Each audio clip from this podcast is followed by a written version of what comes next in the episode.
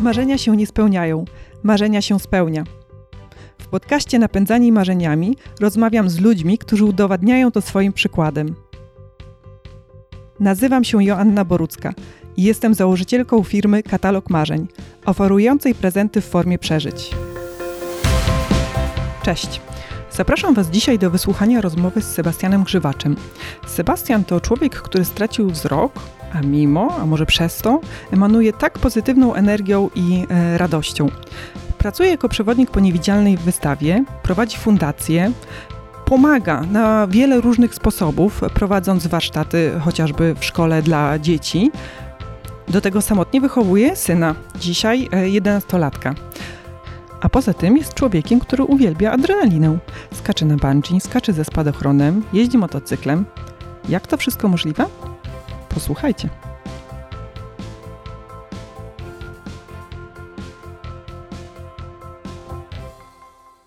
Cześć Sebastian. Dzień dobry. Bardzo, bardzo Ci dziękuję, że przyjąłeś zaproszenie do e, podcastu Napędzani Marzeniami, bo, e, bo jesteś po prostu przeogromnie napędzani marzeniami. Dla mnie to, co jest niesamowite, to, że jak ja patrzę na ciebie i teraz, i jak patrzę na twoje zdjęcia w, w mediach społecznościowych, to ty po prostu masz ogromny uśmiech na twarzy i emanujesz e, taką pozytywną energią, co jest nieodłączną cechą ludzi napędzanych marzeniami. Rzeczywiście zgodzę się z tobą, ponieważ e, jestem bardzo radosnym człowiekiem. Ja cieszę się z rzeczy małych. Dla mnie mega mnie cieszy na przykład ptaki. Takie proste rzeczy. Ludzie na to uwagi nie zwracają, a mnie takie rzeczy już cieszą. Bardzo jestem skupiony na tych rzeczach małych, a tymi małymi rzeczami powoli, powoli do góry, do dużych dochodzę. Mhm. Myślę, że to z tego wynika, że jestem taki szczęśliwym człowiekiem. A wiesz, że akurat jeśli chodzi o ptaki, to ja odkryłam e, w tym roku e, takie nowe, e, malutkie ptaszki u siebie w ogrodzie i to, jak one pięknie śpiewają. Więc rozumiem, o czym do mnie mówisz. Właśnie, takich prostych, małych rzeczach, na które na co dzień uwagi nie zwracamy. Idąc e, przez łąkę, słyszę świerszczeń. Mi się bardzo podoba piękno tego świata. Mhm. Takie złożone piękno tego świata, na które, tak jak mówiłem wcześniej, nie zwracamy uwagi, a jest to nieodłączny element naszego życia, naszego obcowania z naturą e, w obecnym świecie, wizualizacji, stymulacji, e, przystymulowania jest też bardzo ważne takie umiejętne słuchanie tego, co się dzieje dookoła nas, a ze względu na to, że mam wyłączony wzrok, mhm. skupiam się na bodźcach werbalnych. Mhm. No i właśnie dla mnie to nie jest takie wcale oczywiste, że ty jesteś taki radosny, wesoły i pozytywny, dlatego że może stereotyp, stereotypowo, ale myślimy o osobach, które nawet nie wiem, jak to nazwać, no mają jakąś trudność, tak? No, albo posługując się jednak ten... Ułomność. Ułomność, tak, ułomność. W twoim przypadku e, to jest... E, mm, jak to nazwać, ociemnienie, tak mi w rozmowie, e, tak w rozmowie mi wytłumaczyłeś, że ty nie jesteś osobą niewidomą, tylko osobą ociemniałą, prawda? Różnica polega na tym, że mm, ty kiedyś widziałeś i straciłeś wzrok. Tak a osoba niewidoma jest to osoba niewidoma od urodzenia, mm wzrok przed piątym rokiem życia, taka jest mhm. definicja medyczna. U mnie wystąpiła ślepota obłoczna, taka jest nazwa medyczna. Oczywiście nie używamy takiej nazwy w stosunku do osób niewidomych, ponieważ jest to określenie pejoratywne, mocno nacechowane tak negatywnie, a więc nie używamy takich określeń typu ślepy i tak dalej. Mm, oczywiście można używać na przykład określeń e, w stylu, jak ja na treningi chodzę i do mnie trener mówi, co ty ślepy jesteś. Mm -hmm. No to tak. jest takie potoczne określenie, prawda? Tak. E, także nie popadajmy w taką paranoję poprawności, że nie można powiedzieć e, ślepa uliczka, E, czy coś takiego. Nie, jak najbardziej można i nawet jest to wskazane, tylko oczywiście w odpowiedniej sytuacji. Mhm, mhm. Dokładnie. Sebastian, to ile miałeś lat, jak straciłeś wzrok? Miałem 32 lata, jak straciłem wzrok. Miałem wypadek na motocyklu i mi się siatkówki odkleiły. Mam poczucie światła, wiem kiedy dzień, kiedy noc. No i mhm. to wszystko. To jest tak jak e, Państwo byście zamknęli oczy, spojrzeli w stronę okna przez powieki. To ja tyle widzę. Dłoni nie widzę, ale widzę cień, jak ruszam dłonią, ale jak przestaję ruszać, to już jej nie widzę. I to jest w formie jakiejś cieni, ale na co dzień tego w ogóle nie wykorzystuję. Nie jest mi to do niczego potrzebne. Używam innych zmysłów. Mhm. I jakie były Twoje pierwsze odczucia, ten pierwszy rok po utracie wzroku?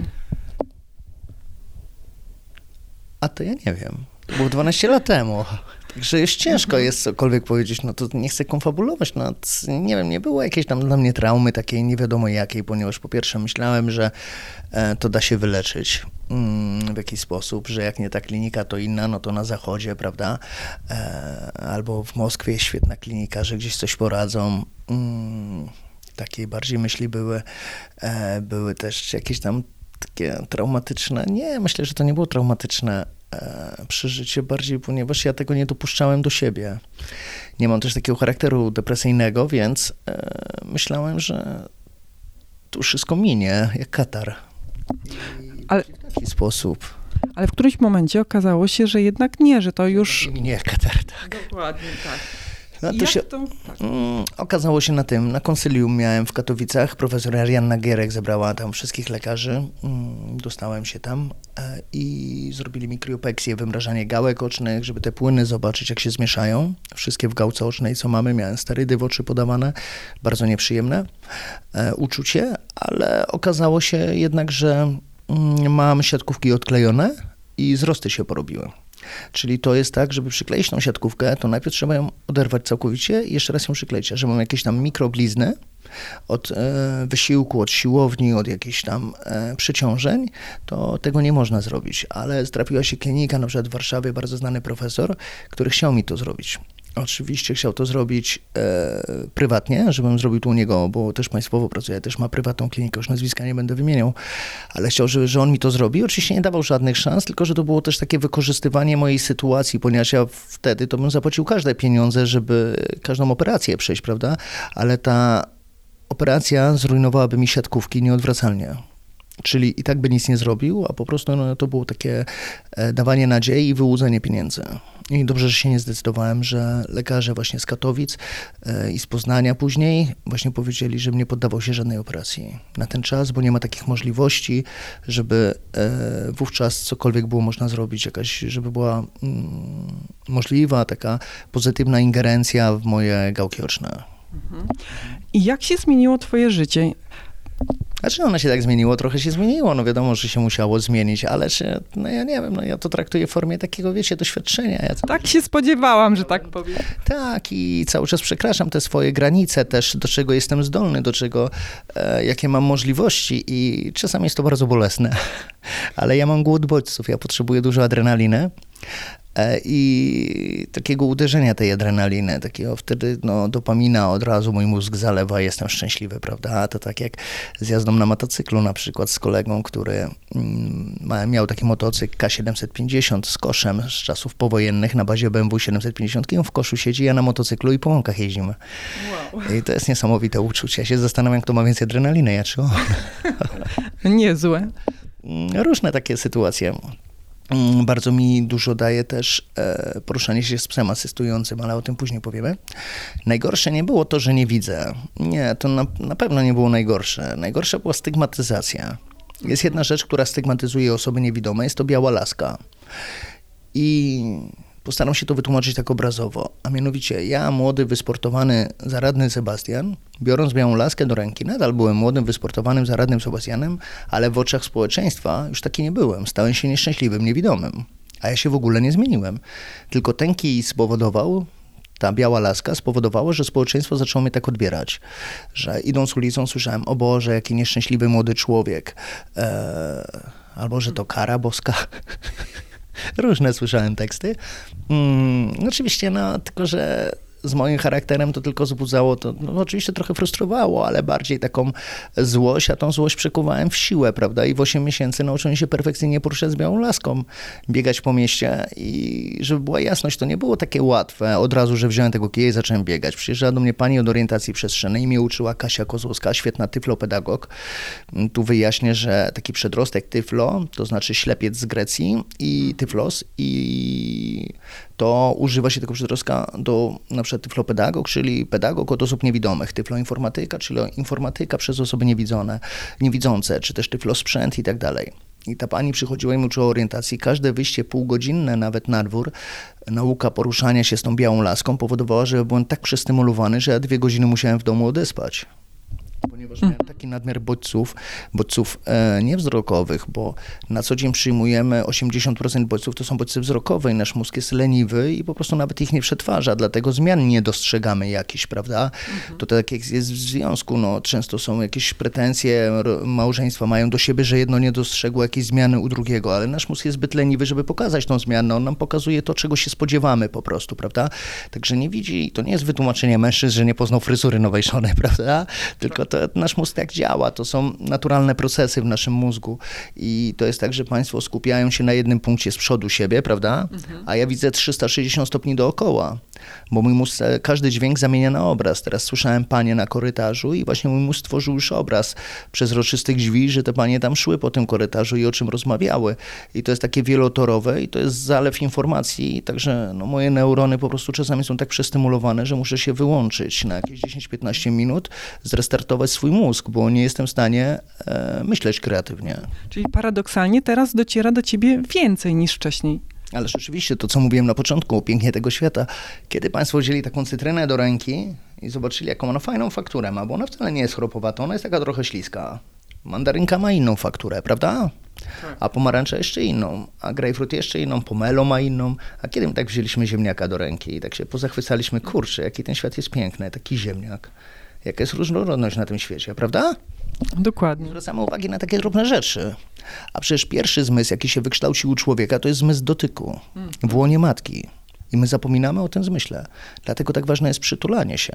Mhm. Dlatego tak ważne e, jest dotyk, ponieważ obniża poziom kortyzolu, hormonu stresu. 10 sekund wystarczy takiego właściwego przytulenia osoby bliskiej, żeby ten hormon nam spadł, żebyśmy się odstresowali. I tak ważne to jest. Tak samo wieczorem się przytulać, dzieci przytulać, nie wstydzić się przytulić do męża, chłopaka, prawda? Ja wiem, że dzieci mają z tym problem, to wstydź się do matki przytulić, no, albo do ojca, ale to później przychodzi. I nawet im starsi jesteśmy, to powinniśmy się częściej przytulać, a my o tym zapominamy, o takiej ważnej rzeczy, że mamy tak ważny zmysł. Mhm. Tak samo umiejętność komunikacji. Jesteśmy wzrokowcami, mówimy do siebie, podaj mi to, tamto, wiesz o co mi chodzi, blisko, daleko, wysoko, nisko, lekko, ciężko. Co znaczy ciężko? Jak jesteśmy tu we trójkę, ja, ty, Asiu i Agnieszka, która jest tutaj za kamerą, tak. to każdy z nas, dla każdego z nas ciężko. To jest pojęcie subiektywne. Każdy z nas jest w stanie podnieść zupełnie inny ciężar, prawda? Mhm. Tak samo każdy z nas jest w stanie inaczej doświadczyć daną sytuację. Dlatego nie można tak uogólniać. I ludziom brakuje takiej komunikacji werbalnej, przekazywania swoich oczekiwań, emocji, mm, wszystkiego w głosie, tak werbalnie. A wystarczy zamknąć oczy i ten świat jest piękniejszy. Przetestujemy. Przetestowaliśmy nawet e, w przeszłości, bo całym zespołem katalogu marzeń byliśmy na niewidzialnej wystawie, na której pracujesz. Mhm. I e, do tego chciałam nawiązać, bo znaczy to jest fascynujące dla mnie, że z jednej strony mówisz, że no dobra, zmieniło się, ale nie tak bardzo się zmieniło, bo cały czas byłeś tym samym e, Sebastianem. Z drugiej strony, no jednak pewnie twoja praca się zmieniła. Szereg takich codziennych rzeczy, no sposób w jaki dokonujesz, nie wiem, zakupów, tak, no pewnie, no chcesz czy nie chcesz, przez chwilę przynajmniej byłoby, było ci trudniej e, wychodzić z domu, więc... Ale rzeczywiście, że było mi trudniej, to było przerażające tak naprawdę. Ja mówię, mówiłem o takich aspektach, aspektach co się pytać, co było po wypadku, ale to też było, ponieważ na początku to była taka myśl, że kurczę, jaki ja jestem niepełnosprawny. No tak myślałem sobie, no może w głowę sobie palnąć, no ale nikt mi żadnego gana nie przyniesie do tego, do szpitala. Mówię, z okna skoczę, ale nie wiem, na którym piętrze jestem. To się w krzaki chrzanie, ten oddział nie wrócę. Mówię, Boże, mówię, jak przerąbane ma niewidomy, nawet samobójstwa nie popełni. No nie, przecież mówię, no to przerąbane ma, ale to było w fazie jakiejś tam myśli, mm -hmm. prawda? Aż w końcu sam się z tego śmiałem. Mówię, kurczę, już sobie wyobrażałem, jak niewidomy rzuca się pod tramwaj i nie w tą stronę biegnie, prawda? I mówię, mm, oczywiście w formie żartów to mówię, prawda? Jasne. Proszę tego jasne. nie brać tak e, do siebie, że chciałbym, e, żeby jakiś niewidomy popełnił samobójstwo, ale tak myślałem i mówię, kurczę, kolegę miałem takiego, który przyjechał do mnie, mój przyjaciel i Kubuś, i mówi, że ja go poprosiłem, żeby kanapkę mi zrobił. On mówi, zrób sobie sam. Ja go znienawidziłem za tą kanapkę, ponieważ ja lubię jeść, dużo jem i on mi nie chciał kanapki zrobić. Ja nie widzę, ja niepełnosprawny, on mi kanapki nie chce zrobić. A on powiedział, że ręce mam sprawne, że sam sobie zrobił. I totalnie, że tak brzydko powiem, olał moją prośbę. I to był taki moment, który ci dał do myślenia? Tak, poszedłem sobie zrobić tą kanapkę, po jakieś pół godziny, jak już byłem bardzo głodny, zrobiłem, upaćkałem się jak świnia, ale byłem się taki dumny, oczywiście tego Kubie nie powiedziałem wtedy, nadal byłem na niego zły, że mi nie zrobił tej kanapki, no nie, ale później to zrobił, kurczę, skoro ja mogę kanapkę zrobić, to może lodówkę posprzątam, jak lodówkę posprzątałem, to może kuchnię posprzątam, jak kuchnię, to może cały dom posprzątam, powierzchnie płaskie, prawda, przecież to nie jest problem, okna zacząłem myć, tak czyściłem to okna raz koło razu, że no po prostu idealnie, mówię, no kurde, no to ja mogę coś robić, będę sprzątaczem, prawda? Mogę sobie na siebie zarabiać. Przecież każdy zatrudni niewidomego sprzątacza, no nie? Wiecie, z litości nawet, no nie? Czyli już kasa będzie się kręcić. Mm, I tak wiecie, i tak zacząłem sztućce na przykład polerować. Mówię, kurczę, jakie to fajne, takie polerowanie sztućcy. Ja nigdy nie polerowałem sztućców, a tutaj nagle poleruję sobie. Ja mam satysfakcję, że ktoś to zauważa, że jest tak czysto. Mm, I takie proste rzeczy zaczęły mi dawać. Poszedłem na kurs tańca, poznałem mm, taką fajną dziewczynę, młodą studentkę. Myślę sobie, trafiło się jak ślepej kurzy ziarno. Tak. Zatańczyliśmy tango. Z tego tanga mi się Franek urodził. Znaczy nam się mm. urodził i to też takie niesamowite przeżycie, bo Kuba do mnie przyjechał, jak Karolina była w szpitalu, jak rodziła, a poszliśmy, bo już myślałem, że będzie po porodzie. I poszliśmy do szpitala i się okazało, że jeszcze poród trwa i mnie siostra wciągnęła na salę porodową. Mhm. Że byłem przy porodzie Franka, że w końcu skończyło się cesarką, bo urodzić nie mogła, ale jak urodziła, to byłem pierwszą osobą, która tam Franka dotknęła, prawda? I ten, i mój pierwszy tekst, ja wiem, że to świńskie jest i mu nie pomyślałem o Karolinie, tylko zapytałem się, czy dadzą mu jeść, bo na pewno jest głodny. Mhm. No. Czyli mówię, jak jest, tak naprawdę. I Później się rozstaliśmy z Karoliną, ale zanim się rozstaliśmy, no to też takie proste rzeczy, jak na przykład przewijanie Franka. No to jak przewinąć, pojechała na zakupy, a ja zostałem sam z Frankiem, mówię, tylko nie zrób kupy. Mhm. No i niestety zrobił. Zrobił. Jak na złość od razu jak pojechała, zrobił. Ja mówię, boże, no i co ja teraz zrobię? No mówię, ja siedź w tym. No ale tak mówię, no ile może dziecko siedzieć? Mówię, no dobra, ale jak tu przebrać na przywijaku, jak ja nie widzę? Wiecie, no ale że jestem człowiekiem takim renesansu, czyli szukam rozwiązań, więc dzieciaka pod umywalkę, umyłem go, zmieniłem mu tego pampersa i byłem z siebie taki dumny, że później go cały czas myłem, tylko ja go przebierałem. No i żadnych chusteczek nasączanych tam jakąś chemią czy coś, tylko pod umywalkę i mycie tyłka, prawda? Mhm. Pamiętam jak miał tak z 3-4 lata i też tam... E, ubrudził się, ja go tak myję, mówię, Franek, ja już mam dość tej twojej zesranej dupy. On mówi, tatuś, jak ty będziesz stary, to też ci tak będę był. No, po prostu mnie rozwalił. No i później się rozstaliśmy. Wywalczyłem sobie prawną opiekę nad synem mm, i trzy lata walczyłem, udało się. E, było to dla mnie takie no, niesamowite też, e, że, że udało się po prostu, ale też miałem masę... Nic się, nic się nie udało. To nie udało się. To, to ty to dokonałeś.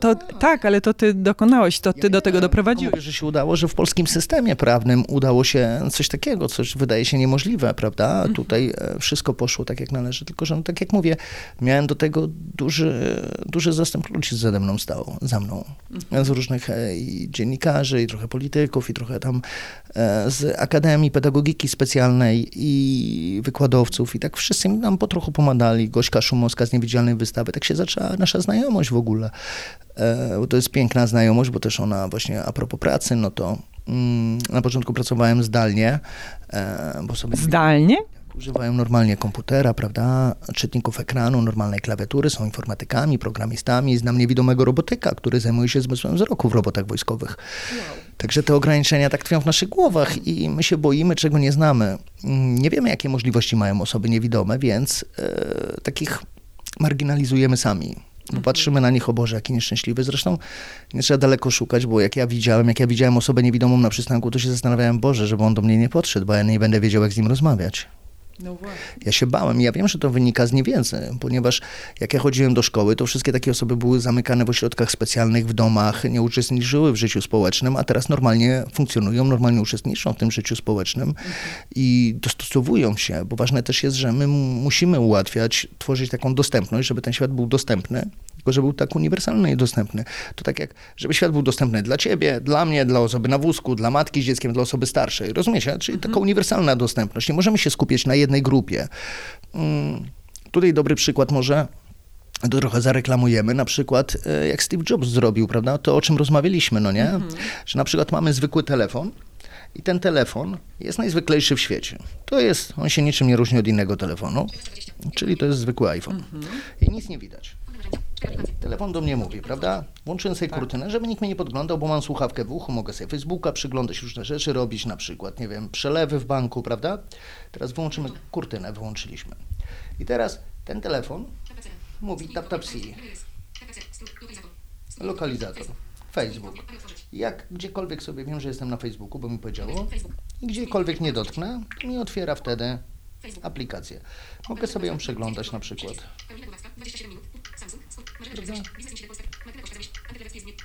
I ty to wszystko rozumiesz. Tak, bo mój mózg Mhm. nasze informacje przetwarza trochę szybciej, prawda? Zamykamy sobie innym gestem, chcemy przeskoczyć na inną stronę, proszę, przeskakujemy na inną stronę, prawda? E, różne aplikacje tutaj mamy, też do rozpoznawania kolorów. Mam aplikację na przykład bardzo fajną, zaraz coś Wam pokażemy, takie szybkie. Mm. TapTapSee. Znajdziemy sobie aplikację TapTapSee, znaleźliśmy i zaraz zobaczymy jaki to jest zasięg jest w ogóle z internetem. Chcemy oceniać. Teraz tam. Agnieszka, odezwij się. Hej. No właśnie, tam jest Agnieszka. I teraz nam przetwarza informacje. Jeżeli byśmy byli pod Wi-Fi, żebyśmy wiedzieli, kto tam stoi i co robi. Teraz no, troszeczkę to potrwa, zanim informację znajdzie. Zdjęcie to kobieta w białej koszuli, siedząc na krześle, trzyma aparat, prawda? Wow. Zgadza się? Czyli... A dlaczego? Prawie. Prawie, to ja może wytłumaczę, dlatego że aparat jest na statywie i to może mieć, e, Ale tak. wyglądać na to, że trzyma w ręku. Algorytm powiedział. To algorytm powiedział po prostu, czyli mogę sobie sprawdzić, wiecie, jakich firmy coś jest, różne aplikacje typu na przykład e, OCR-y, że przykładam, czyta mi alfabet łaciński, czyli wiem, co jest napisane, prawda? Różnego rodzaju nawigacje. I do czego zmierzam? To jest zwykły telefon, on się niczym nie różni od innych telefonów. I teraz ja go używam i wystarczy, że trzy razy przycisk z boku nacisnę,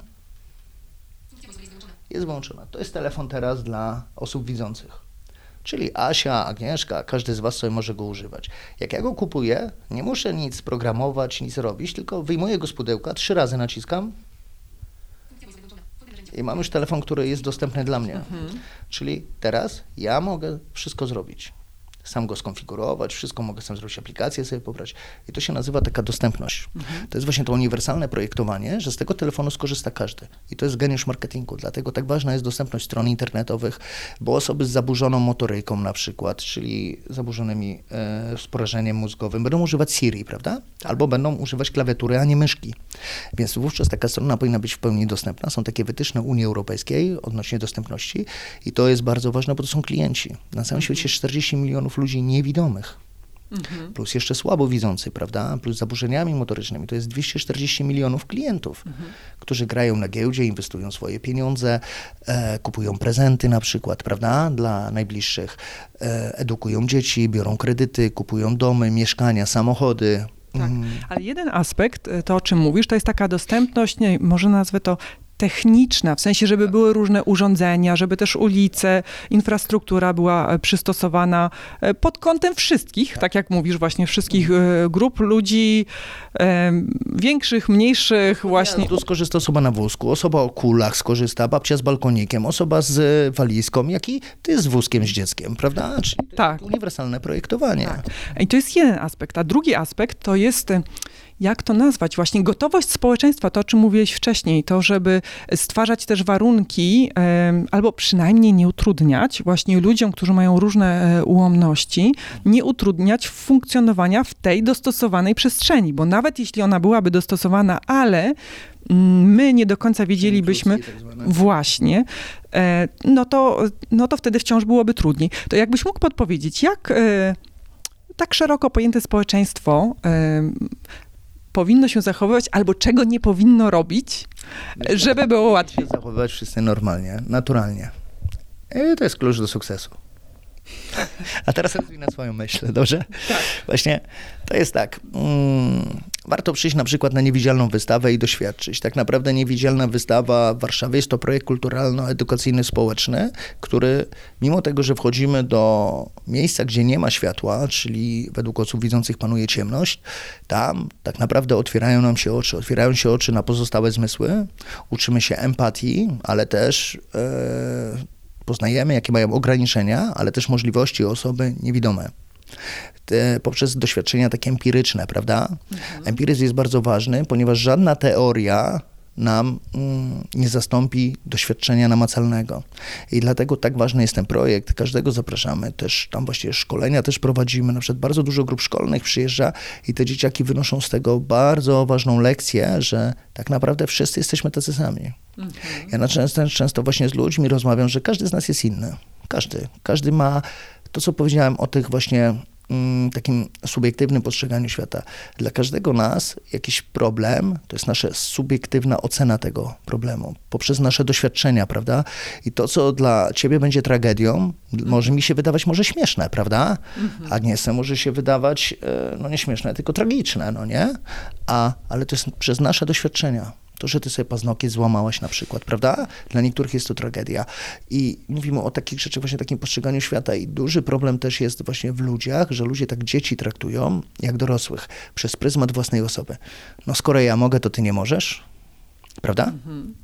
To jest No bardzo duży problem. Stronę, I w drugą też stronę, bo z jednej strony tak traktują, jak, jak mówisz, ale z drugiej strony wyręczają we wszystkim, tak? Że A to nie. Dobra, chodź, ja ci zawiążę te sznurówki, bo to przecież będzie szybciej. O tym zaraz tak? porozmawiamy. O tym zaraz porozmawiamy, o socjalizacji Mhm. osób niewidomych, skąd się biorą takie właśnie, żeby nie oceniać ludzi o ocenie, ale to wracając jeszcze do niewidzialnej wystawy i właśnie ten projekt otwiera ludziom oczy, pokazuje właśnie też, jak pomagać osobom z dysfunkcjami. Można zadawać pytanie, przewodnicy są ociemniali, niewidomi lub słabowidzący i można przyjść nawet kilka razy na niewidzialną wystawę, bo każdy przewodnik to jest inna historia, inna osobowość, każdy inaczej oprowadza i każdy też inaczej na pytania odpowiada, bo każdy ma inne doświadczenia, prawda?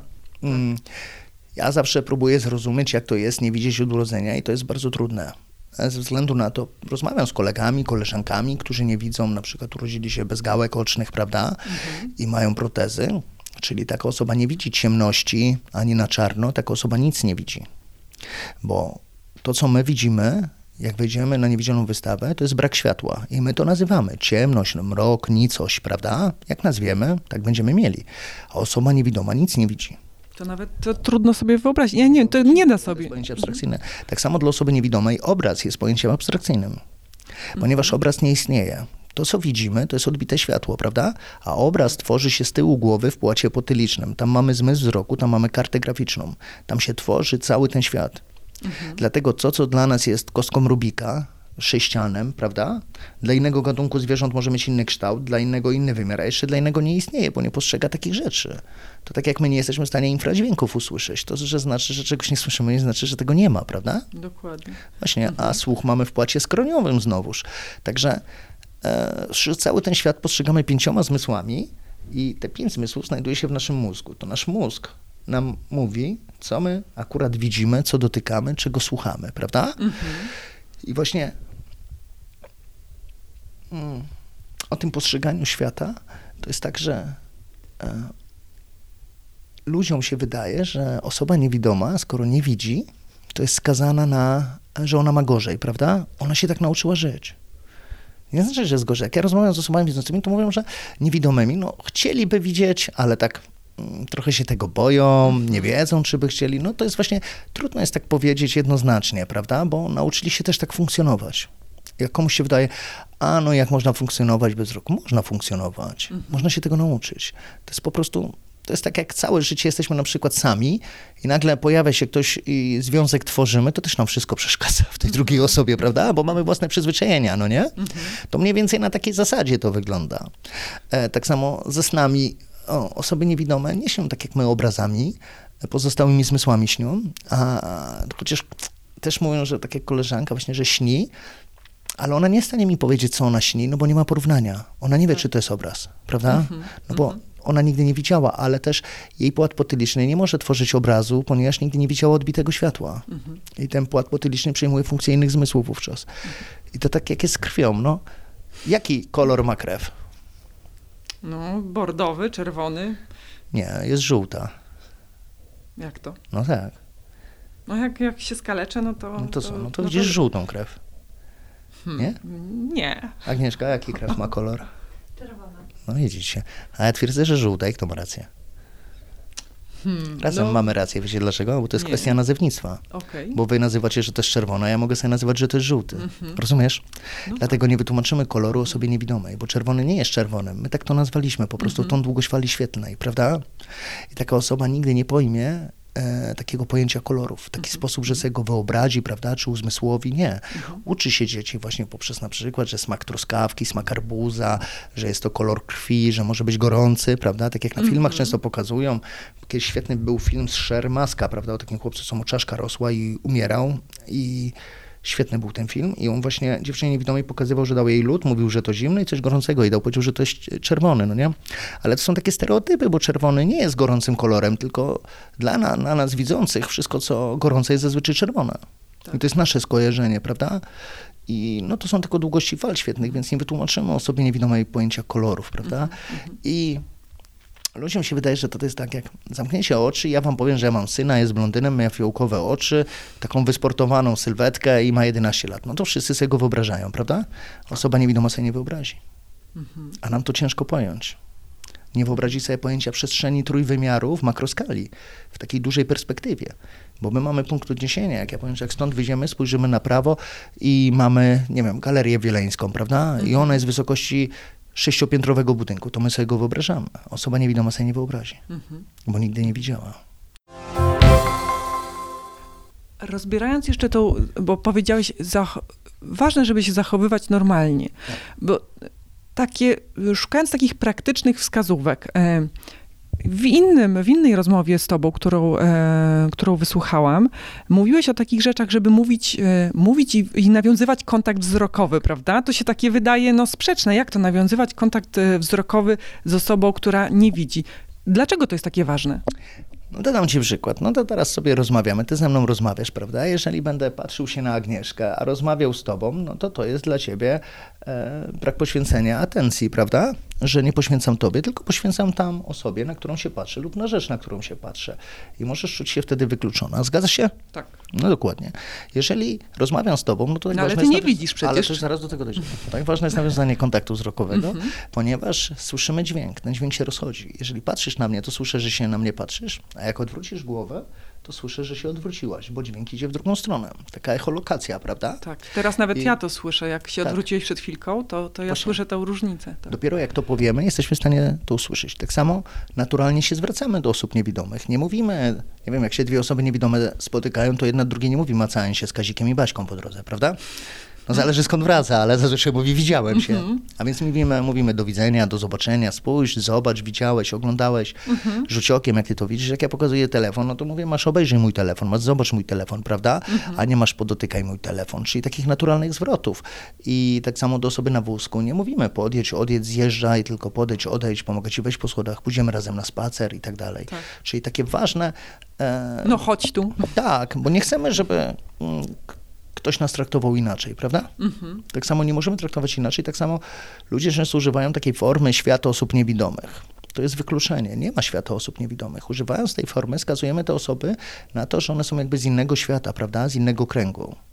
Że one do nas nie pasują. A zobaczcie, że wszyscy jesteśmy różni. Ktoś może być otyły, wysoki, niski, prawda? Każdy ma inne problemy. Osobie niskiej też nie jest łatwo. Nie mówię o osobie niskorosłej, prawda? Tylko mówię o osobie niskiej, czy osobie wysokiej. Też nie jest łatwo. Dokładnie. Mam koleżankę, która ma e, 1,89 m i ona mówi, że ona ma przerąbane, bo ciężko jej chłopaka znaleźć, partnera w ogóle. E, ludzie się na nią dziwnie patrzą, bo ona jeszcze szpilki zakłada. No fakt, że ona lubi, mówi na mężczyzn patrzeć z góry, no to może dlatego nie może znaleźć chłopaka, ale mówi, że no bardzo jej to dokucza. Też problemy z kręgosłupem, prawda, i tak dalej. No i czy też osoba otyła, no to powiedzmy, kto ma gorzej? Ja, bo nie widzę, a sobie radzę, prawda? Czy ktoś, nie wiem, kto widzi, ma sprawne wszystkie zmysły, ale nie radzi sobie w życiu.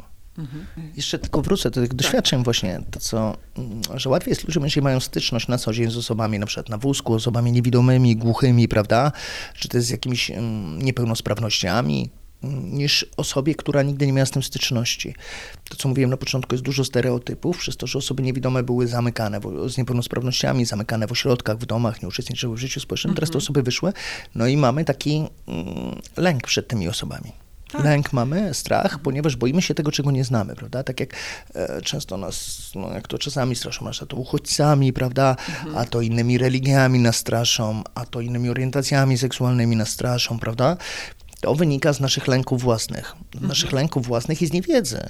No bo czym się różni, nie wiem, mm, osoba, która jest, nie wiem, innej orientacji seksualnej, innego wyznania, innego koloru skóry od ode mnie, prawda? Tak. Przecież ja też jestem dla niej innego, innej orientacji seksualnej, innego koloru skóry, innego wyznania, prawda? Dokładnie. No właśnie. Jedna rzecz to jest inność, ale druga rzecz, właśnie w przypadku osób, m, które nie widzą, które nie słyszą, wydaje mi się, że też to jest taka kwestia, że nie chcemy kogoś urazić, że może właśnie jak ja będę patrzeć ci w oczy, a ty mnie nie widzisz, to, e, to ja może takie jakoś, to jest pas, tak, no, e, że może tak nie powinnam, więc to są, myślę, że u źródeł tego lęku są jest spore spektrum pra- e, Tak. tych, tych e, emocji i tym bardziej e, właśnie cieszę się, że rozmawiamy i tu tutaj rozwiewasz no, z, aut- z autopsji tak, te stereotypowe podejście. Dlatego też prowadzę warsztaty w szkołach na przykład. Można się zgłosić do Fundacji Ponad Słowami i jeździmy po szkołach i po całej Polsce. I prowadzę takie warsztaty. Ostatnio byłem w Stargardzie. Oczywiście w obecnej sytuacji w, w takim reżimie sanitarnym, prawda? Przybita, rękawice, ale to są to warsztaty klasowe. Nie mieszamy klas, bo dzieci najlepiej czują się we własnej grupie. I to są od przedszkola do szkół średnich, też na uczelniach właśnie. I one uczą empatii, szacunku, tolerancji, ale też pokazują możliwości i ograniczenia osób z niepełnosprawnościami, prawda? Nie ma smutnego opowiadania, jakie to jest życie ciężkie, czy coś takiego. Mówimy, kurczę, można, tak naprawdę wy też możecie, tylko szanujcie siebie, nie bójcie się ponosić porażek, bo ludzie boją, no dzieci, młodzież też się lubi, boi się ponosić porażek, ale to jest też wina rodziców, że nie uczą ponoszenia porażek, bo właśnie to, co mówiłeś o tym wyręczaniu, prawda? O takiej socjalizacji. Jeżeli będziemy dziecko wyręczać, będziemy je chronić przed światem, trzymać pod kloszem, to później jakiekolwiek zderzenie z emocjami negatywnymi, typu śmierć, porzucenie przez dziewczynę, e, odejście kogoś bliskiego, prawda, nieradzenie sobie w szkole, to taka osoba, no od razu się mechanizmy różne uruchamiają, prawda, i taka osoba, no niestety nie poradzi sobie w życiu. Dlatego dziecko też powinno ponosić porażek i należy dać mu prawo do tych porażek i musi ponosić konsekwencje. Niestety ja wiem, bo jak mój syn chodzi do szkoły, no to ja wiem, że rodzice często chodzą i bronią swoje dzieci, że nie, on nie powinien dostać dwójki, bo on powinien dostać piątkę, bo to była wina nauczyciela. I, często, i przy dziecku tak mówi, prawda? No i nauczyciele ulegają, prawda? No bo tu pójdzie do pani dyrektor i wtedy traci nauczyciel też autorytet i dziecko się uczy, mama, tata wszystko załatwią. To prawda. Można e, wszystko na wszystkim wymóc. I to dotyczy też osób z niepełnosprawnością, niestety, że bardzo często rodzice są nadopiekuńczy. Oni nie chcą źle, ale robią największą krzywdę, jaką można zrobić swojemu dziecku. One nie, uczy, nie uczą go samodzielności.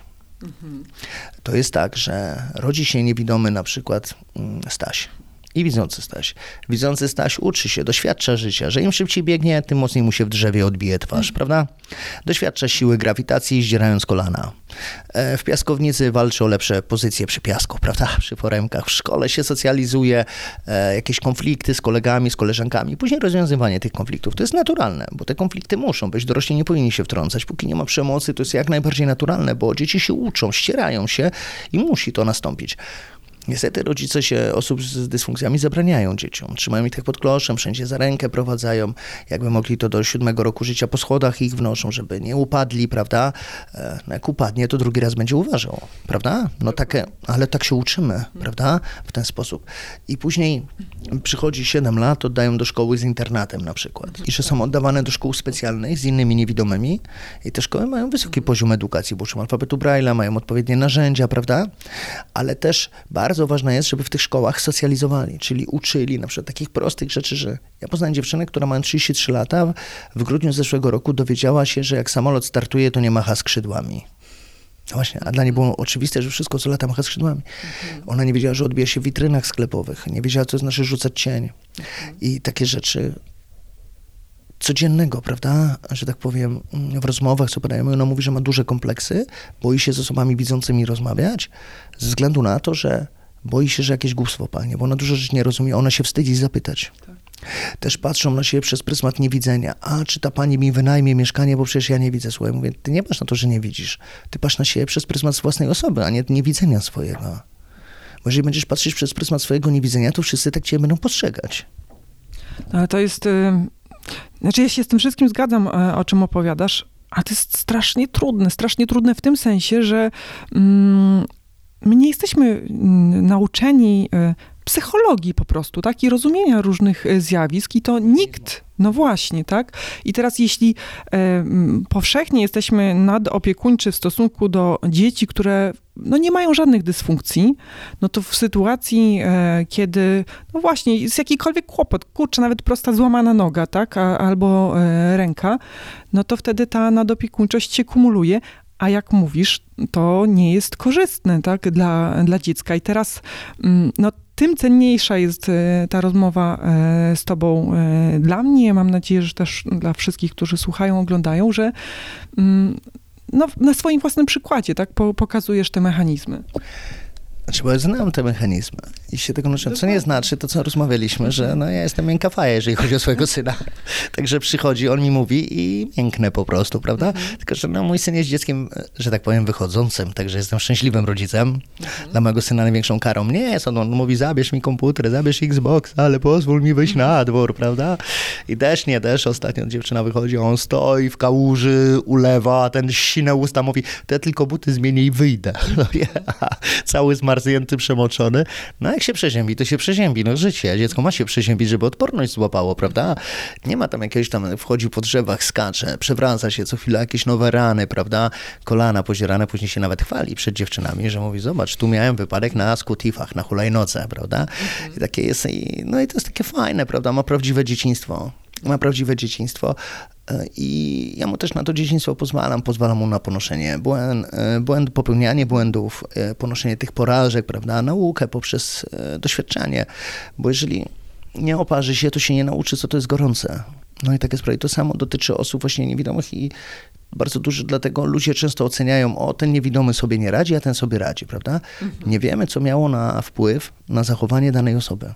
Bo każdy człowiek jest sumą doświadczeń. Ta osoba mogła mieć inne doświadczenia, mogła wynieść z domu inne doświadczenia, bo na to, jaki człowiek jest, na jego charakter, osobowość ma wpływ wiele czynników. Przede wszystkim rodzina, opiekunowie, prawda, społeczność, w jakiej się wychowuje, religia, kultura i tak dalej. Łatwiej ma osoba z dużego miasta, takiego jak Warszawa, gdzie jest taka mm, też multikulturowość, prawda, gdzie jest miasto możliwości, gdzie łatwo pracę zdobyć, łatwo informacje zdobyć, e, łatwo ym, nowe znajomości nawiązać, prawda, niż osoba, nie wiem, z Pcinia Dolnego, gdzie nie ma infrastruktury miejskiej, gdzie nie ma się nauczyć, gdzie chodzić, nawet z białą laską, czy też poznać kogoś, prawda, nie wie, jakie są też e, rodzice, powiedzmy, mm, Oczywiście nie obrażając nikogo, ale tak są mniej wyedukowani tak społecznie, prawda? I nie dbają też o wizerunek tej osoby niewidomej, bo często następuje depersonalizacja, że Staś jest i Basia i Staś i Basia już nie są mm, Stasiem i Basią, tylko stają się niewidomi. Następuje takie uprze- uprzedmiotowienie. I to jest bardzo złe, że wtedy nie traktuje się kobiety jak kobiety, mężczyzny jak mężczyzny, nie dba się, nie, e, na przykład my, lubisz, lubisz dobrze wyglądać, prawda? Lubię. Lubisz, a uczysz się poprzez obserwację, co ci pasuje, co ci nie pasuje, prawda? Tak, i też informację zwrotną od drugiej, od drugiej osoby. Tak, Także- od kilku osób, prawda? Tak, tak, tak, Najczęściej, tak, tak, dokładnie. U osoby niewidomej bardzo często takie informacje udzielają tylko rodzice, bo Mhm. inni ludzie się litują i mówią, dobrze wyglądasz. Rozumiecie? E, nie powie, na przykład jak się ubrudzi osoba niewidoma, to nikt nie podejdzie i nie powie, pobrudziłeś sobie koszulkę. Mhm. No nie, przepraszam, ale uplamiłeś sobie koszulkę. To jest jak najbardziej naturalne, bo ona przecież nie zobaczy, że ma brudną koszulkę. Tak. Rozumiesz? Takie proste rzeczy. Często też, że to mamusie ubierają swoich synusiów i córeczki i wy... tylko, że mamusia ma już swoje lata i mamusia żyje w poprzedniej epoce, prawda? Dużym problemem są, że dziecko z niepełnosprawnością, poznałem kiedyś takiego Tomka, autystę, wysoko funkcjonujący chłopak, ale jego mama jest tak nadopiekuńcza, ona go też ubiera i ubiera go, no nieadekwatnie. On był gimnazjalistą, no to mu pal te rękawice jednopalczaste, takie czapki wełniane, moherowe, sweterki przyduże, spodnie przyduże. Ten chłopak nie wyglądał jak gimnazjalista, on wyglądem było widać, że coś jest nie tak. On był wysoko funkcjonujący, wiesz, wystarczyło normalnie go ubrać i ten, ona go sama strzygła, nie puszczała go do fryzjera. No wiadomo, jak go strzygła, tak troszeczkę na mnicha poleciała, prawda? I ten, no i to dziecko się wyróżniało wyglądem. I to jest złe właśnie, że rodzicom się wydaje, że robią dobrze i teraz wracają do tej depersonalizacji. Później taka osoba dojrzewa i na przykład ty wiesz, jak wygląda kobieta, jak wygląda mężczyzna, jak dojrzewałaś, prawda? Osoby niewidome są tego pozbawione, a nie ma edukacji seksualnej, seksualnej w postaci fantomów na przykład. Wyobrażasz sobie 20, 30, 40 ludzi, którzy w życiu nie wiedzieli płci przeciwnej? No dokładnie, a przecież tak no... A to jest straszne, przecież to jest normalne, bo my mieliśmy materiały poglądowe. Tak. Tylko u nas słowo edukacja seksualna kojarzy się od razu o pornografia, prawda, seks, taki, że to nie ma nic wspólnego. Wczoraj na przykład Gosia Szumowska wrzuca taki post, no kurczę, przerażające to jest. Dziewczyna przyszła pierwszy raz do lekarza z bólem na, e, do szpitala, z wielkim bólem i w pochwie. Mówi, że miała swędzenie, no i ona nigdy nie była u lekarza, od razu zaznaczyła, nie miała współżycia i ten, ale z wielkim bólem i ten, i że miała jakieś swędzenie. Ona przeczytała na forum internetowym, żeby sobie czosnek włożyć. I dwa tygodnie miała ten czosnek. Mówię, że próbowała go wypłukać, nie wyszło. Ona jakichś tam obrzęków dostała, takie rzeczy. XXI wiek, a ludzie w takie głupoty wierzą. I żeby 20-letnia dziewczyna nigdy nie była u ginekologa, bo ludzie się boją, właśnie taki lęk jest. No to tak samo z osobami niewidomymi. Trzeba ich uczyć, że idź do ginekologa, bądź kobietą, bądź mężczyzną, depiluj się, prawda, dbaj o siebie, bo zobacz, prosty przykład. Szukasz pracownika, no nie? Do swojego katalogu marzeń. Tak. Potrzebujesz osoby operatywnej, kreatywnej, która będzie miała kontakt z klientem, no nie? No i taki, że będzie szła umowę, podpisywała, może być i niewidoma. Dziewczyna wysyła ci CV, teraz już CV się nie wysyła zdjęć, no żeby nie oceniać, no nie wiesz, i to jest bardzo fajne. I ten, nawet się podobno płci już nie podaje na zachodzie, no nie wiesz, no już trochę takie, nie mówię, ta słyszałam. poprawność już w ogóle idzie w drugą stronę, tylko swoje kwalifikacje. I super, mam CV, ileś fakultetów z komunikacji, coś go przychodzi dziewczyna i wygląda jak siedem nieszczęść, niechlujnie, no zatrudnisz ją. No nie zatrudnisz, no nie oszukujmy się. Bo ona będzie miała kontakt z klientem. No, tak. Ona będzie miała kontakt z klientem, a wizualna, a wystarczyłoby, żeby zadbała o siebie. Mhm. Nieważne, czy złotego, tylko żeby zadbała o siebie, odpowiednie okulary założyła, prawda? Mhm. E, fryzurę sobie zrobiła, e, czy też podkład, żeby nie mieć tłustej cery, prawda? Mhm. I ubrać się normalnie, tak pasująco. Mhm. I wtedy zupełnie inny jest odbiór społeczny też. I to jest bardzo duży problem, to o czym rozmawiamy. Wiesz, ty, ty opowiadasz tak y, bardzo, mm, jak, jakiego słowa użyć, świadomie o tym, czy to jest coś, e, wszystkie te rzeczy, do czego e, ty doszedłeś samodzielnie, czy to jest coś, czego też się nauczyłeś od innych ludzi? Wiesz co, to jest tak, że ja się uczę od innych ludzi. Mnie inni ludzie, ja każdego, kogo spotykam, to nie jest tak, że ludzie czerpią ode mnie, prawda, inspirację. Ja od każdego czerpię inspirację. Od każdego. Nawet z tobą, jak się spotykam, to ty dla mnie jesteś lekcją, kolejną książką, którą czytam w swoim życiu. Naprawdę. To, co wcześniej rozmawialiśmy o twoim dziecku, prawda, o dzieciach, o kotach i ten, no to tak, jakbym ciebie czytał, rozumiesz? I codziennie ja od ludzi, każdego, kogo spotkam, nawet jeżeli ktoś coś negatywnego wnosi do mojego życia, to jest kolejna lekcja moja. Kolejny człowiek, kolejna lekcja. I to jest fajne, bo uczę się ludzi nawzajem. Tak, dlaczego to pytam? Bo mm, zastanawiam się właśnie, jak sprawić, żeby wszyscy, właśnie i osoby, które mają różne em, ułomności, i osoby, które nie mają, albo myślą, że nie mają, a mają Tak. inne, tak, żeby wszyscy nawzajem lepiej się e, rozumieli. No i na pewno właśnie e, edukacja, edukacja, ale przez edukację nie mam na myśli systemu oświaty, Nie, tak, nie, nie. tylko właśnie. Otwarta edukacja, tak. Tak, Przychodzenie nawet- do szkół, pokazanie, jak wygląda osoba z niepełnosprawnością, że to nie jest strasznego, bo Mhm. ja zauważyłem, że jak idę gdzieś ulicą, i to i też mi potwierdzają osoby na przykład niewidzialne wystawy, które tam pracują. Mhm. I ostatnio z Olą rozmawiałem właśnie i Ola mówi, że jak ona idzie z białą, ona z białą laską się porusza z psem. I ona jak idzie z białą laską, to często dziecko się pyta, mamo, a po co tej pani ta laska? Cicho, cicho, później ci powiem. I wbudzają lęk w, tej, e, w tym dziecku. Zamiast powiedzieć, synu, to jest biała laska, taka laska służy osobom niewidomym, ta pani nie widzi, ma chore oczy i porusza się te laska, to są jej oczy. Prosty przekaz dla osoby, dla dziecka, prawda? Rozmawiać z tym dzieckiem, a nie cicho, cicho, bo wtedy to dziecko wie, że ja się powinienem takich ludzi obawiać. Oni są inni, oni są gorsi. Albo, że nie wypada pytać. No jak nie wypada? Trzeba pytać. Jak ja idę, to ja się o wszystko pytam. Jak ja czegoś nie wiem, to ja też jestem taki, że ja się zapytam.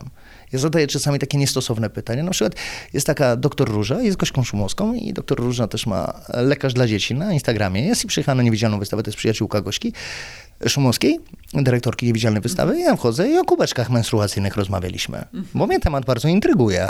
Jak to działa, e, z takiej ciekawości po prostu, prawda? Jak to wygląda, a ta Róża jest taką, mm, że ona cały czas o tym opowiada, no nie każdemu i ten. I właśnie rozmawialiśmy różne pytania miałem, takie wiecie, nawet no, dla niektórych niestosowne, na przykład czy kubeczek, nie wiem, przebije błonę psiewiczą, prawda, jeżeli ktoś jest dziewczą, czy może używać, jak w łazience, o czystość, weź takie rzeczy i ludzie nie potrafią rozmawiać o takich rzeczach, bo od razu się wszystko kojarzy, Jezu, to jest jakieś nie, niestosowne. Dlaczego to jest niestosowne? No jest to element No skąd mam życia. się tego dowiedzieć? Z internetu, gdzie głupoty piszą, że czosnek sobie trzeba włożyć? No nikomu taka rozmowa nikomu nie zrobi krzywdy, prawda? To jest tylko rozmowa i się nie wstydzić o tym rozmawiać. Tak samo nie wstydzić się pytać o różne rzeczy, nie wstydzić się z ludźmi rozmawiać. Sebastian, e, I- bo Ja myślę, że mogłabym przegadać z tobą nie wiem jak długo. A tutaj chciałam ciebie zapytać jeszcze e, o tą adrenalinę. Okej. Bo y, wiem, że dużo jest jej w twoim życiu. No sam przed chwilą, przed chwilą już jakiś czas temu powiedziałeś o tej jeździe motocyklem, ale są też różne inne szalone rzeczy. e, Ze spadochronem na przykład. No właśnie, Powiedz, powiedz, co ty, robi, co ty robisz takiego e, z adrenaliną? Jak to się dzieje, że ty to robisz? To jest tak, że ja potrzebuję, to co mówiłem, tego skoku adrenaliny i na przykład byliśmy nad morzem, pływaliśmy taką szybką łodzią.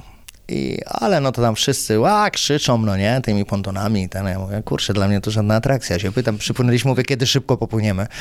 Musiałem się pójść na bungee dobić, wjechać na samą górę i skoczyć, żeby poczuć tą adrenalinę, rozumiesz? I to dopiero wtedy poczułem i poczułem się taki, wiecie, jak pijany, taki, wiecie, już uśmiech taki na twarzy. Ja wiem, że to jest niezdrowe, ale gdybym widział, to ja bym pewnie nie żył. Dlatego to są moje hamulce też, że nie widzę. Jak byłem postrzelać i też co, zdarzyło się, że postrzelam z takiej berety, strzelam 9 mm. Także mam masę filmów na. Facebooku właśnie, jak dyszki trafiam, bo też e, wojskowych szkoliłem na przykład sensoryki bez użycia wzroku, czyli umiejętności poruszania się w absolutnych ciemnościach i to były służby specjalne i różne służby mundurowe, różne takie e, te i trenuję też, się brazylijskie jiu-jitsu i system walki jak Krav Maga i różne takie, to mi daje adrenalinę, a pamiętajmy, że sport nie służy do tego, żeby używać przemocy, bo przemocy używają ludzie słabi. Ludzie silni używają wiedzy. Ja mam umiejętności i wiedzę, żeby komuś zrobić krzywdę, ale nigdy z tego nie skorzystam, ponieważ no, mam świadomość tego. A tak jak to, co powiedziałem, że władzę ma ten, co ma wiedzę, ten, co czyta książki. Tak. To jest najsilniejszy człowiek na świecie. Bo ten, co używa przemocy, nie jest silny. On jest naprawdę strachliwym człowiekiem i nie ma argumentów, więc sięga po przemoc. Dziesiątki. Jak, jak, jak ty strzelasz dziesiątki? Czy to jest... Pamięć mięśniowa i instruktor jest za moimi plecami, mnie informuje, czy w lewo, czy w prawo, czy uciekłem z tarczy, prawda? I, ale to też można na słuch strzelać, bo na przykład wojskowych uczą, na przykład strzelania w takich właśnie warunkach, prawda? Słyszy się cel po prostu, ponieważ zaburzę się, tak samo słyszę, gdzie jest Agnieszka, jakbym chciał rzucić, to bym trafił pewnie butelką, a ponieważ inaczej dźwięk się rozchodzi, prawda? Jak robimy to słychać, że się rozbija ten dźwięk. To jest fala akustyczna. Oczywiście nie tak jak nie topesz, ale jestem w stanie usłyszeć przeszkody, usłyszeć jak samochód przyjedzie, czy są wysokie budynki, czy niskie budynki, prawda? Ponieważ inaczej ta fala akustyczna się rozchodzi. W ten sposób osoba niewidoma porusza się po mieście w ogóle. A ja jestem w takim między dwoma perspektywami, osoby widzącej i niewidomej. Więc świetnie się sprawdzam na takich szkoleniach, ponieważ potrafię to wszystko przekazać dla osób widzących, prawda? Bo sam się znalazłem w takiej sytuacji, że nie widzę i mój płat potyliczny nie przejął funkcji dotyku, bo ja dotyk mam w ogóle taki nie, nieczuły. Tak samo mm, węch to albo dla mnie coś pachnie, albo nie pachnie, smak to samo, albo smakuje, albo nie smakuje. E, I, a u mnie to jest słuch głównie. Słuch e, się wyostrzył i czasami też właśnie jest to, co powiedziałem, bardzo męczące, bo ja często chodzę z ulicą ze słuchawką w uchu, bo książki słucham. E, Olbrzymie ilości książek czytam właśnie w formacie w Wordzie, w PDF-ie, prawda, albo audiobooki i jak idę, to jedną uchem słucham książki i tworzę sobie wyobrażenie z tej książki w głowie, a drugim uchem słucham przestrzeni i tworzę sobie trójwymiarową przestrzeń. Czyli te obrazy mi się tak ścierają w głowie i dlatego jestem też taki zmęczony. Taka profesor z Akademii Pedagogiki Specjalnej mówi, że jestem typowym przykładem, jak nie powinien się poruszać osoba niewidoma, czyli ze słuchawki w uchu. Ale ja nie potrafię zrezygnować z książek. Ale tych książek słuchasz też na takiej prędkości, jak e, słyszeliśmy. Tak. Boże, to ty z... jak to się dzieje, że ty zdążysz w ogóle przetworzyć? No bo jedna rzecz to usłyszeć, dobra, i to zdanie, zrozumiesz, o co chodziło w tym zdaniu, ale jak usłyszysz, no powiedzmy, stronę takiego typowego tekstu, no to żeby mózg zdążył tą in- tę informację przetworzyć, Mózg jest zdolny do bardzo wielu rzeczy, tylko my nie zdajemy sobie z tego sprawy. Nie dajemy e, szans jemu, żeby go poćwiczyć właśnie do przetwarzania tej ilości informacji. Jesteśmy w stanie przetworzyć taką ilość informacji. Ja mam kolegę, który czyta też olbrzymie ilości książek i on sobie na 120% ustawia audiobooki, gdzie dla mnie nawet jest to za szybko, nie jestem w stanie, a on sobie ustawia. On jest niewidomy od urodzenia i u niego jest zupełnie inaczej jeszcze, prawda? Bo u każdego jest inaczej. To nie jest tak, że każdy niewidomy będzie miał super słuch. Ja też nie mam super słuchu, tylko bardziej się skupiam. Mnie wzrok nie rozprasza. Więc jestem w stanie się skupić na wielu innych rzeczach. Tak jak z tą rozmawiałem, słyszałem, że teraz zaszeleściła Agnieszka i jakiś pan tam rozmawiał, prawda? I mój mózg to zarejestrował już, no nie? Bo się na tym skupiał. To tak jak idę ulicą, szukam przystanku, to nie jest tak, że się za nim rozglądam, tylko to tak jak wy. Idziecie ulicą, o, jest przystanek, idę na przystanek. Ja mam tak samo. O, usłyszałem przystanek, idę na przystanek. To, to mniej więcej tak działa. Wiem, że to trudno jest pojąć, zrozumieć dla kogoś, kto żyje w innej perspektywie, takiej wizualizacji świata. Ale też jeszcze chciałbym powiedzieć właśnie a propos tego, tej adrenaliny, że najwięcej adrenaliny to mi dostarczają starsze panie. Naprawdę. Ja wiem, że to tak brzmi dwuznacznie, ale dostarczają mi dużo adrenaliny, bo starsze panie chętnie chcą pomagać, a nie wiedzą, że przekraczają granice osób niewidomych. To znaczy stoi sobie niewidomy na przejściu i nagle jakaś pani podbiega, siedzisz, prawda? Tak. I sobie cię łapie za rękę i idziemy i cię ciągnie. W ogóle lubisz jak się ktoś tak obcy dotyka? Siedzisz sobie, ja sobie obok ciebie siedzę i no to pójdziemy tam. Dobrze, Asiu, chodź dziecko do mnie, tutaj siadaj sobie. No chodź, siadaj, prawda? Albo ci rękę pod pachę To jest- wkładać. Przecież to jest molestowanie. Tak. No właśnie, jakbyś, jakbym ci tak robił w autobusie, to byś powiedziała, zaczęłabyś się bronić, no nie? Proszę mnie puścić, wszyscy by pomyśleli, że jakiś zboczeniec ją obmacuje, prawda? Ale jakbyś była niewidoma, to by wszyscy pomyśleli, jaka agresywna niewidoma. Przecież ten pan chciał tylko pomóc, albo ta pani.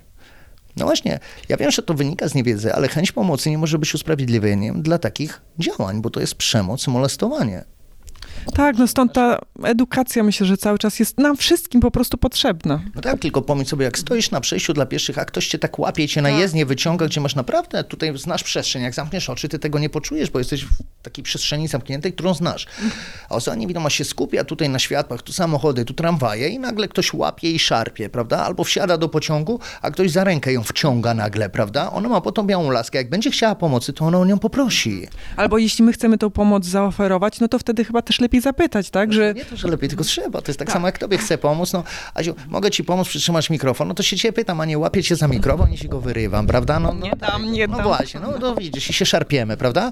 I ty nie wiesz, jakie ja mam intencje, a ja nie wiem, jakie ty masz intencje. Tak. I, czyli prosto to, co mówiłem o, na początku, tej komunikacji. Czyli się komunikujemy, mówimy o swoich potrzebach. Dzień dobry, mam na imię Sebastian, czy mogę pani, panu pomóc? W jaki sposób mogę pomóc? Też pamiętajmy, że osoby niewidome są różne. Może być jakaś osoba, która chce na przykład wykorzystać to, że ty podeszłaś, prawda? I włożyć ci rękę pod pachę, żeby sobie też pomacać na przykład, prawda? No bo są, tak jakby to jest cały przekrój społeczeństwa, może chcieć to wykorzystać, no nie? Że szuka miejsca w autobusie i cię podotyka, no nie? Zdarzały się takie przypadki wśród osób niewidomych, że są tacy ludzie, e, głównie mężczyźni, ale wtedy należy postępować asertywnie. Proszę mnie nie dotykać. Od sprawdzenia ma pan laskę, prawda? Tak. Białą laskę oczywiście. A jak jest ze zwie... e, jak jest ze zwierzętami? Ale co jak ze zwierzętami? No w sensie takim, że to jest piękny, leży pies e, przed nami i aż ja bym go strasznie chciała tak e, pogłaskać, ale nie wiem, czy właśnie nie wiem, czy mogę. Nie można zaczepiać psów asystujących. To jest ogólna nazwa. Ustawa reguluje to w ten sposób, że są to psy asystujące. Do psów asystujących należą psy przewodniki, psy dla osób głuchych, dla osób, które mają epilepsję, wyczuwają atak epilepsji, ponieważ zmienia się wtedy feromony człowieka i pies dużo wcześniej wie, że taka osoba będzie miała atak, informuje, czy to jest spadek cukru dla osób mm, właśnie z różnymi schorzeniami. Wtedy się te psy nazywają medical dog. I te psy są specjalnie szkolone, mają certyfikaty, więc możemy wejść do każdego miejsca użyteczności publicznej bez wyjątku, absolutnie wszędzie. Pies lata, jak podróżuje, to lata ze mną na pokładzie samolotu, nie w kontenerze. E, Leży sobie w, między fotelami, w pociągu, wszędzie, ma prawo ze mną wejść. Do restauracji, kładzie się grzecznie pod stołem. E, Jest tak wyszkolony, tak jak tutaj widzicie Państwo, żadnej żadnego ruchu, tak samo jest w restauracji, tak. A ludzie często mówią, a bo pies będzie biegał między stołami. Ja go nie puszczam. To dziecko robi mniej zamieszania niż jakieś dziecko małe. To, to, dziecko, ten pies mniej zamieszania niż jakieś dziecko w restauracji, prawda? E, tak samo w kościele episkopat wydał zarządzenie, że psy mogą uczestniczyć we mszy świętej. E, ponieważ wyłączone są z ustawy miejsca kultu, prawda? Wiadomo, do meczetu, jak poszedłem na takie prelekcje do meczetu tutaj w Warszawie, na Szczęśliwicką, e, no to psa nie zabierałem, bo psy nie są mile widziane w takich miejscach, ze względu na to, że pokryzły kiedyś Mahometa. Należy uszanować czyjąś kulturę, czyjąś religię, prawda? Mm, I nie tak, e, nie narzucać się. Także jak najbardziej ja to rozumiem, to go nie zabierałem, ale jak to pies może uczestniczyć w wydarzeniach kulturalnych, oczywiście na koncerty, jeżdżę dużo po koncertach, na Woodstock co roku jeżdżę, teraz to już na Poland Rock Festival, ale psa nie zabieram wtedy ze sobą, bo jest za głośno, prawda? Zresztą on wzbudza za dużą sensację, wszyscy by go miziali. I pies, zupełnie inny odbiór społeczny jest. Jak poruszałem się z białą laską, to o jaki nieszczęśliwy niewidomy, a jak idę z psem, o jaki piękny pies, jaki fajny pies. I takiego psa Bo jest piękny. Piękny, piękny. Jest to Chisa Pig Bay Retriever. Rolek ma już 11 lat, przechodzi na emeryturę, tylko na emeryturze też ze mną pracuje. Właśnie zabieram go w takie miejsca, gdzie może sobie poleżeć, żeby czuł się potrzebny, bo jak ja bym mu zabrał pracę, to by stracił sens życia, bo to są psy myśliwskie i one pochodzą z takich hodowli myśliwskich, gdzie ich rodzice, przodkowie, wszyscy pracowali z ludźmi i dla niego najważniejszą rzeczą jest praca z człowiekiem. Są to psy, które mają cechy psa stróżującego, e, potrafią dominować, więc trzeba mieć odpowiednią rękę, żeby takiego psa ułożyć. Szkoliła mi go pani Agnieszka Buczula, taka behawiorystka, bardzo znana i ona też wyszkoliła wszystkich trenerów, którzy szkolą tutaj w Warszawie psy asystujące dla organizacji pozarządowych i drugiego psa sprowadziłem sobie z Czech i też mi go pani Agnieszka szkoli, ponieważ ja nie chcę z jakiejś fundacji psa, ze względu na to, że często są to psy mm, pasywne, e, labradory, prawda, takie ciapy, a ja konkretnego psa potrzebuję. Mój kolejny pies ma na imię Waldimar, ma 9 miesięcy, już jest wielkości rolka, będzie większy od rolka, też jest cisapikiem, jest silnym psem, bardzo silnym, a ma też bardzo ważną taką cechę, że na, przywiązuje się tylko i wyłącznie do jednej osoby. Czyli są idealne towarzyszem dla mnie, dla mojego charakteru, dla mojej osobowości. I pani Agnieszka szkoli Waldka już i też już chodzi w tych szorkach, w takiej uprzęży, tak jak tutaj mamy. I uczy tego psa już podstaw e, prowadzenia i też czasami chodzimy razem z nią, chodzę i z Waldkiem i to wtedy ja prowadzę Waldka i mu wydaję komendy, na przykład w lewo przejście, w prawo przejście, schody góra, schody dół, bankomat, kasa, jak mówię winda, idzie do windy, jak mówię e, przystanek, to idzie na przystanek. A jak mu powiem ławka, to pokazuje pyskiem wolne miejsce. Waldek oczywiście pokazywał mi ostatnią ławkę przez szybę. No ale ławka, jest ławka, jest ławka, o co ci chodzi, prawda? Czyli to jest jeszcze dziecko, jeszcze popełnia błędy i dlatego się jeszcze szkoli.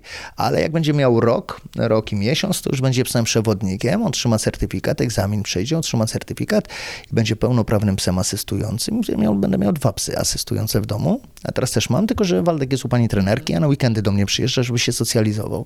Właśnie zaraz jak skończymy rozmawiać, to jadę na pola mokotowskie właśnie z Waldkiem e, pochodzić po mieście, trochę go posocjalizować. No tak, ja kocham zwierzęta, uwielbiam krowy, uwielbiam, ja wiem, że to głupio brzmi, ale uwielbiam krowy. A to też dlatego, że krowy są niezwykle niebezpieczne. Ludziom się wydaje, że to takie ciapy, a to są bardzo niebezpieczne zwierzęta, płochliwe. Jak krowa kopnie, to potrafi zabić. Mm, Zresztą byk byka zabija, prawda? A jaki też ostatnio się zdarzył wypadek, że byk człowieka zabił, no nie? Krowa potrafi zadeptać, ale bardzo lubię takie zwierzęta. Lubię dbać o zwierzęta. Oczywiście w taki zdrowy sposób, prawda? Pani Agnieszka też ma kozy kamerun, owce kameruńskie, ma krowy takie bez rogów, mięsne. Oczywiście nie do jedzenia są, tylko one są, suszą tam do, żeby były sobie. One w lasach mieszkają w ogóle. No, jak, jak alpak, wyglądają. z którymi można pójść na spacer. Tak, Tak, no ale no akurat, to jest akurat takie, mm, alpaka jest pół dzikim zwierzęciem, to jest tak jak ludzie skunksy sobie biorą. Ostatnio była taka afera o pumę, prawda? Ludzie, a pumę trzymał, to nieetyczne, niehumanitarne, prawda? I ten... E, no a ludzie jak trzymają skunksy w domach, wycinają im gruczoły, prawda? No przecież to też jest dzikie zwierzę. Jak pająki trzymają, też jest dzikie zwierzę, węże, prawda? A my tak się uczepiliśmy na przykład tej pumy, prawda? I tego człowieka.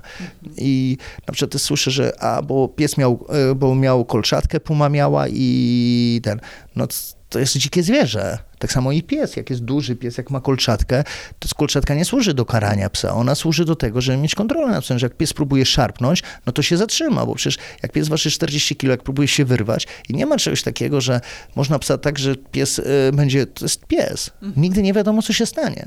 Rozumiemy? Ludziom się wydaje, że a, bo to jest niehumanitarne. No a co jest humanitarne? No myślę, że ludziom ogólnie łatwo przychodzi Ta poprawność, ocenianie... tak, taka poprawność w złą stronę, albo w jedną stronę, albo w drugą. Czysto przesadzamy.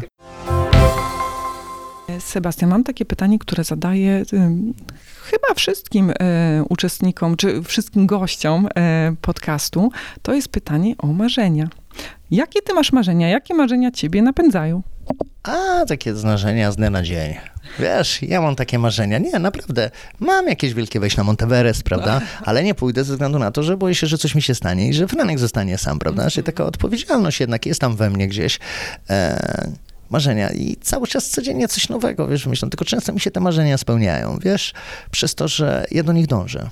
To nie jest tak, że marzenie myślę sobie, o, chciałbym wygrać to lotka, to będę codziennie grał, bo to nie o to chodzi, to jest los, prawda? Tutaj chodzi o takie marzenia, że ja chciałbym na przykład e, mieć własne mieszkanie i mam własne mieszkanie. To było takie moje marzenie, prawda? E, I psa kolejnego, mam kolejnego psa, żeby pani Agnieszka go szkoliła i go szkoli. Takie, wiesz, takie życiowe. Dla ludzi się wydaje, e, a co to, tam ktoś szkoli? Wiecie, co to znaczy, że pani Agnieszka szkoli psa przewodnika? No chyba nikt nie wie, co to znaczy. Słuchajcie, bo ona nie szkoli już psów asystujących, ona szkoli tylko dla mnie tego psa. I dla mnie to takie rzeczy, no nie, że Franek, ja też nie wymagam, że Franek ma być, nie wiem, będę, moim marzeniem jest, żeby był doktorem. Nie, moim marzeniem jest to, żeby był szczęśliwy że może robić co chce, żeby był szczęśliwy po prostu. Ja mu wszystkim pomogę. Jak będzie chciał, nie wiem, śmieciarką jeździć, to mu kupię śmieciarkę. I niech jeździ tą śmieciarką. Jak on jemu to szczęście sprawia, ja nie mam czegoś takiego, że on ma być szczęśliwy. Ja nie przeżyję jego życia. Ja mu we wszystkim pomogę, bo to jest mój syn, no nie? Wiecie, i też takie marzenie, też no, no, z niewidzialną wystawą. Też no, taki też już się wydaje. Dla mnie było to marzeniem pracować na niewidzialnej wystawie. I drobnymi kroczkami, drobnymi. Myślę, że wiecie, no, jestem częścią niewidzialnej wystawy, tak jak każdy tam pracownik, bo wystawa, wystawa to nie jest tylko firma, tylko to są ludzie, prawda? To, jest skład, to są puzzle. Puzzle i dzięki temu tak świetnie funkcjonujemy, bo mamy tak zgrany zespół. I właśnie i to o takich rzeczach mówię, no może nie chciałbym w kosmos polecieć, no nie, to to się nie spełni, ale może kiedyś coś mnie wystrzeli, tak, że polecę w kosmos, no nie? Wiesz, to, no to mówię właśnie i dla mnie liczą się te rzeczy małe, a te małe składają się na duże i na coraz większe. To tak jak zawsze powtarzam, to jest jak wejście na Pałac Kultury. Nie skoczymy na Pałac Kultury. Nie wbiegniemy, no bo przeciętnie zadyszki dostaniemy albo na zawał zejdziemy, prawda? One są wysokie. Po trzecim piętrze, tak. Tak, tak, tak, tak. Przeciętnie mówię człowiek, no nie? Ale krok po kroku i wejdziemy na samą górę.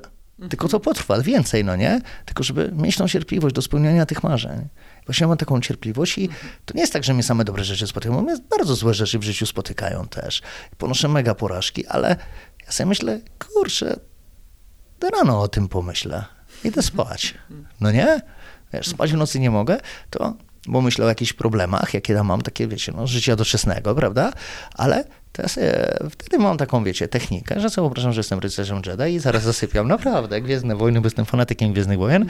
Nie, że jestem rycerzem Jedi, coś sobie tam wyobrażam, wyobrażam z tego filmu, no nie, że tam, wiesz, coś walczy ten i zaraz zasypiam spokojnie. No, taką mam metodę na odgonienie tego wszystkiego od siebie, no nie? Dla niektórych to się wydaje śmieszne, ale śmieszne, ale każdy może mieć taką metodę.